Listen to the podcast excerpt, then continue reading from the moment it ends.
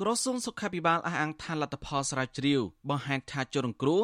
ស្លាប់ក្រោយមានរោគសញ្ញាដូចជាឈឺក្បាលក្អួតឈឺពោះវិលមុខស្រវាំងភ្នែកសន្លប់ប្រកាច់ពិបាកដកដង្ហើមជាដើមរហូតដល់ថ្ងៃទី19ខែឧសភាបច្ចុប្បន្នមានករណីអ្នកស្លាប់ចំនួន12នាក់និងកំពុងសម្រាប់ព្យាបាលមានចំនួន9នាក់ក្នុងនោះមាន2នាក់មានអាការៈធ្ងន់ធ្ងរ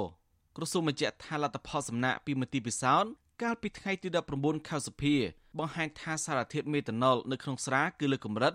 ដែលក្រសួងសុខាភិបាលបានសន្និដ្ឋានថាករណីស្លាប់នេះបណ្ដាលមកពីពុលស្រាសឬស្រាថ្នាំ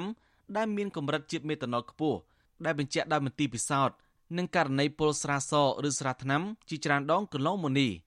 អភិបាលខេត្តកណ្ដាលលោកគង់សុផុនបញ្ជាក់ថាស្រាដែលប្រជាប្រដ្ឋពុលនេះគឺជាស្រាផលិតនៅតាមស្រុកភូមិដែលស្រាសនិងស្រាថ្នាំទាំងនេះគ្មានស្លាកយីហោលោកបន្ថែមថានៅលោកស្រានិងអ្នកផលិត បានបំពេញវិធានការរបស់អាជ្ញាធរពីការហាមឃាត់ការលក់គ្រឿងសង្វឹងអំឡុងពេលការរាលដាលជំងឺ Covid-19 លោកអះអាងថាអាញាធរបានខត់ខ្លួនអ្នកលក់និងអ្នកផលិតបិទទីតាំងផលិតស្រានិងដកហូតសម្ភារៈមួយចំនួនព្រមទាំងបញ្ជូនពួកគេទៅតុលាការខេត្តកណ្ដាលដើម្បីអនុវត្តតាមនីតិវិធីហើយ អានេះអ្នកអ្នកផលិតហ្នឹងទេគាត់របៀបផលិតហ្នឹងគាត់ខុសក្បួនតែម្ដងគឺគាត់ប្រើមេតាណុលខ្ពស់បាទកែពីហ្នឹងអត់មានបញ្ហាអីទេហើយគាត់ក៏វាផលិតយូរដែរហើយមិនដឹងថាមួយរយៈហ្នឹងគាត់ផលិតទៅរបៀបម៉េចបានជាធ្វើការខុសរឿងអញ្ចឹងណាបាទប៉ុន្តែយ៉ាងណាក៏យើងធ្វើតាមច្បាប់បងហើយយើងកំពុងស្រាវជ្រាវបន្តបន្តទៀតដែរតែការណីដែលយើងបើកការណីស្រាវជ្រាវទៅយើងឃើញតែមួយហ្នឹងតែមួយហ្នឹងហើយគាត់ គេអ្នកទិញក៏ទិញនៅហ្នឹងអ្នកលក់ហ្នឹងក៏លក់នៅហ្នឹងអ្នកផលិតក៏នៅហ្នឹងយើងថាវាច្បាស់ហើយហ្នឹងយើងស្រាវជ្រាវមករយៈមកដល់ដល់ខែនេះដល់ខែនេះកំពុងតែបរិញ្ញាធ្វើការចោទប្រកាន់អនុវត្តតាមទៅទីច្បាប់ប៉ុន្តែអ្នកនាំពាក្យតុលាការខេត្តកណ្ដាលលោកសូសរិនបញ្ជាក់ប្រាប់អាស៊ីសេរីថាលោកមិនទាន់ឃើញករណីអ្នកលក់ស្រានិងអ្នកផលិតស្រាដែលបណ្ដាលឲ្យពលនឹងស្លាប់បញ្ជូនមកតុលាការខេត្តកណ្ដាលនៅឡើយទេនៅល្ងាចថ្ងៃទី20ខែសុភានេះជុំវិញរឿងនេះប្រធានផ្នែកនៃសមាគមការពារសិទ្ធិមនុស្សអាត6លោកនីសុខា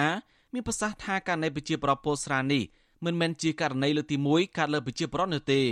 លោកបន្តថាការផ្ដន់ទោសអ្នកផលិតស្រាមិនមែនជាដំណោះស្រាយបញ្ចប់បញ្ហាកើតឡើងជាបន្តបន្ទាប់នៅឡើយទេ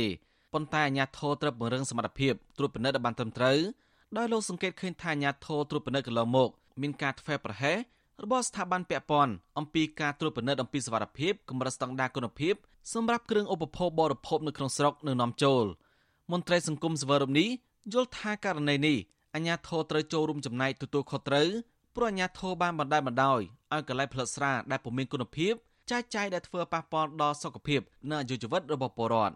មិនមែនតែរឿងតែស្រានឹងមុខទេគឺថាតាំងពីរបស់នាំចូលពីប្រទេសក្រៅតាំងពីផលិតផលក្នុងស្រុកគឺថាត្រូវតែត្រួតពិនិត្យឲ្យបានត្រឹមត្រូវបាទហើយនឹងមានតម្លាភាពឲ្យមានគុណភាពត្រឹមត្រូវដើម្បីជួយធ្វើម៉េចដើម្បីលើកកម្ពស់ដល់សុខភាពរបស់ប្រជាពលរដ្ឋអាជ្ញាធរជំនាញនឹងហើយយើងកុំទម្លាក់បន្ទុកនឹងទៅលើពលរដ្ឋព្រោះពលរដ្ឋលោកដឹងតែប្រើទេលោកមិនដឹងថាអានឹងវាមានគុណភាពកម្រិតយ៉ាងម៉េចទេពីព្រោះថាលោកគ្មានអីយកទៅវាស់វែងអីរឿងហ្នឹងទេតកតងទៅនឹងករណីពលស្រានេះ បានកើតឡើងមិនមែនជាលើកទី1ទេនៅក្នុងប្រទេសកម្ពុជា នៅក្នុងខេត្តកំពង់ឆ្នាំងកាលពីខែធ្នូឆ្នាំ2020មានមនុស្សចំនួន8នាក់ស្លាប់និង130នាក់ផ្សេងទៀតបានធ្លាក់ខ្លួនឈឺបន្ទាប់ពីពួកគេបានទទួលទានស្រាសចំណែកឯប្រជាពលរដ្ឋនៅក្នុងស្រុកសម្បូរខេត្តកញ្ចេះចំនួន5នាក់ក៏បានស្លាប់ដោយសារការពុលស្រាសនេះដែរកាលពីខែតុលាឆ្នាំ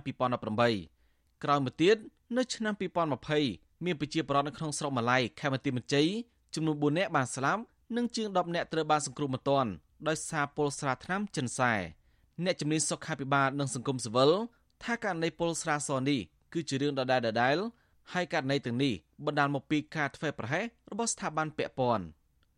ខ្ញុំសនចាររថាអាស៊ីសេរីរាយការណ៍ពីរដ្ឋធានីវ៉ាស៊ីនតោន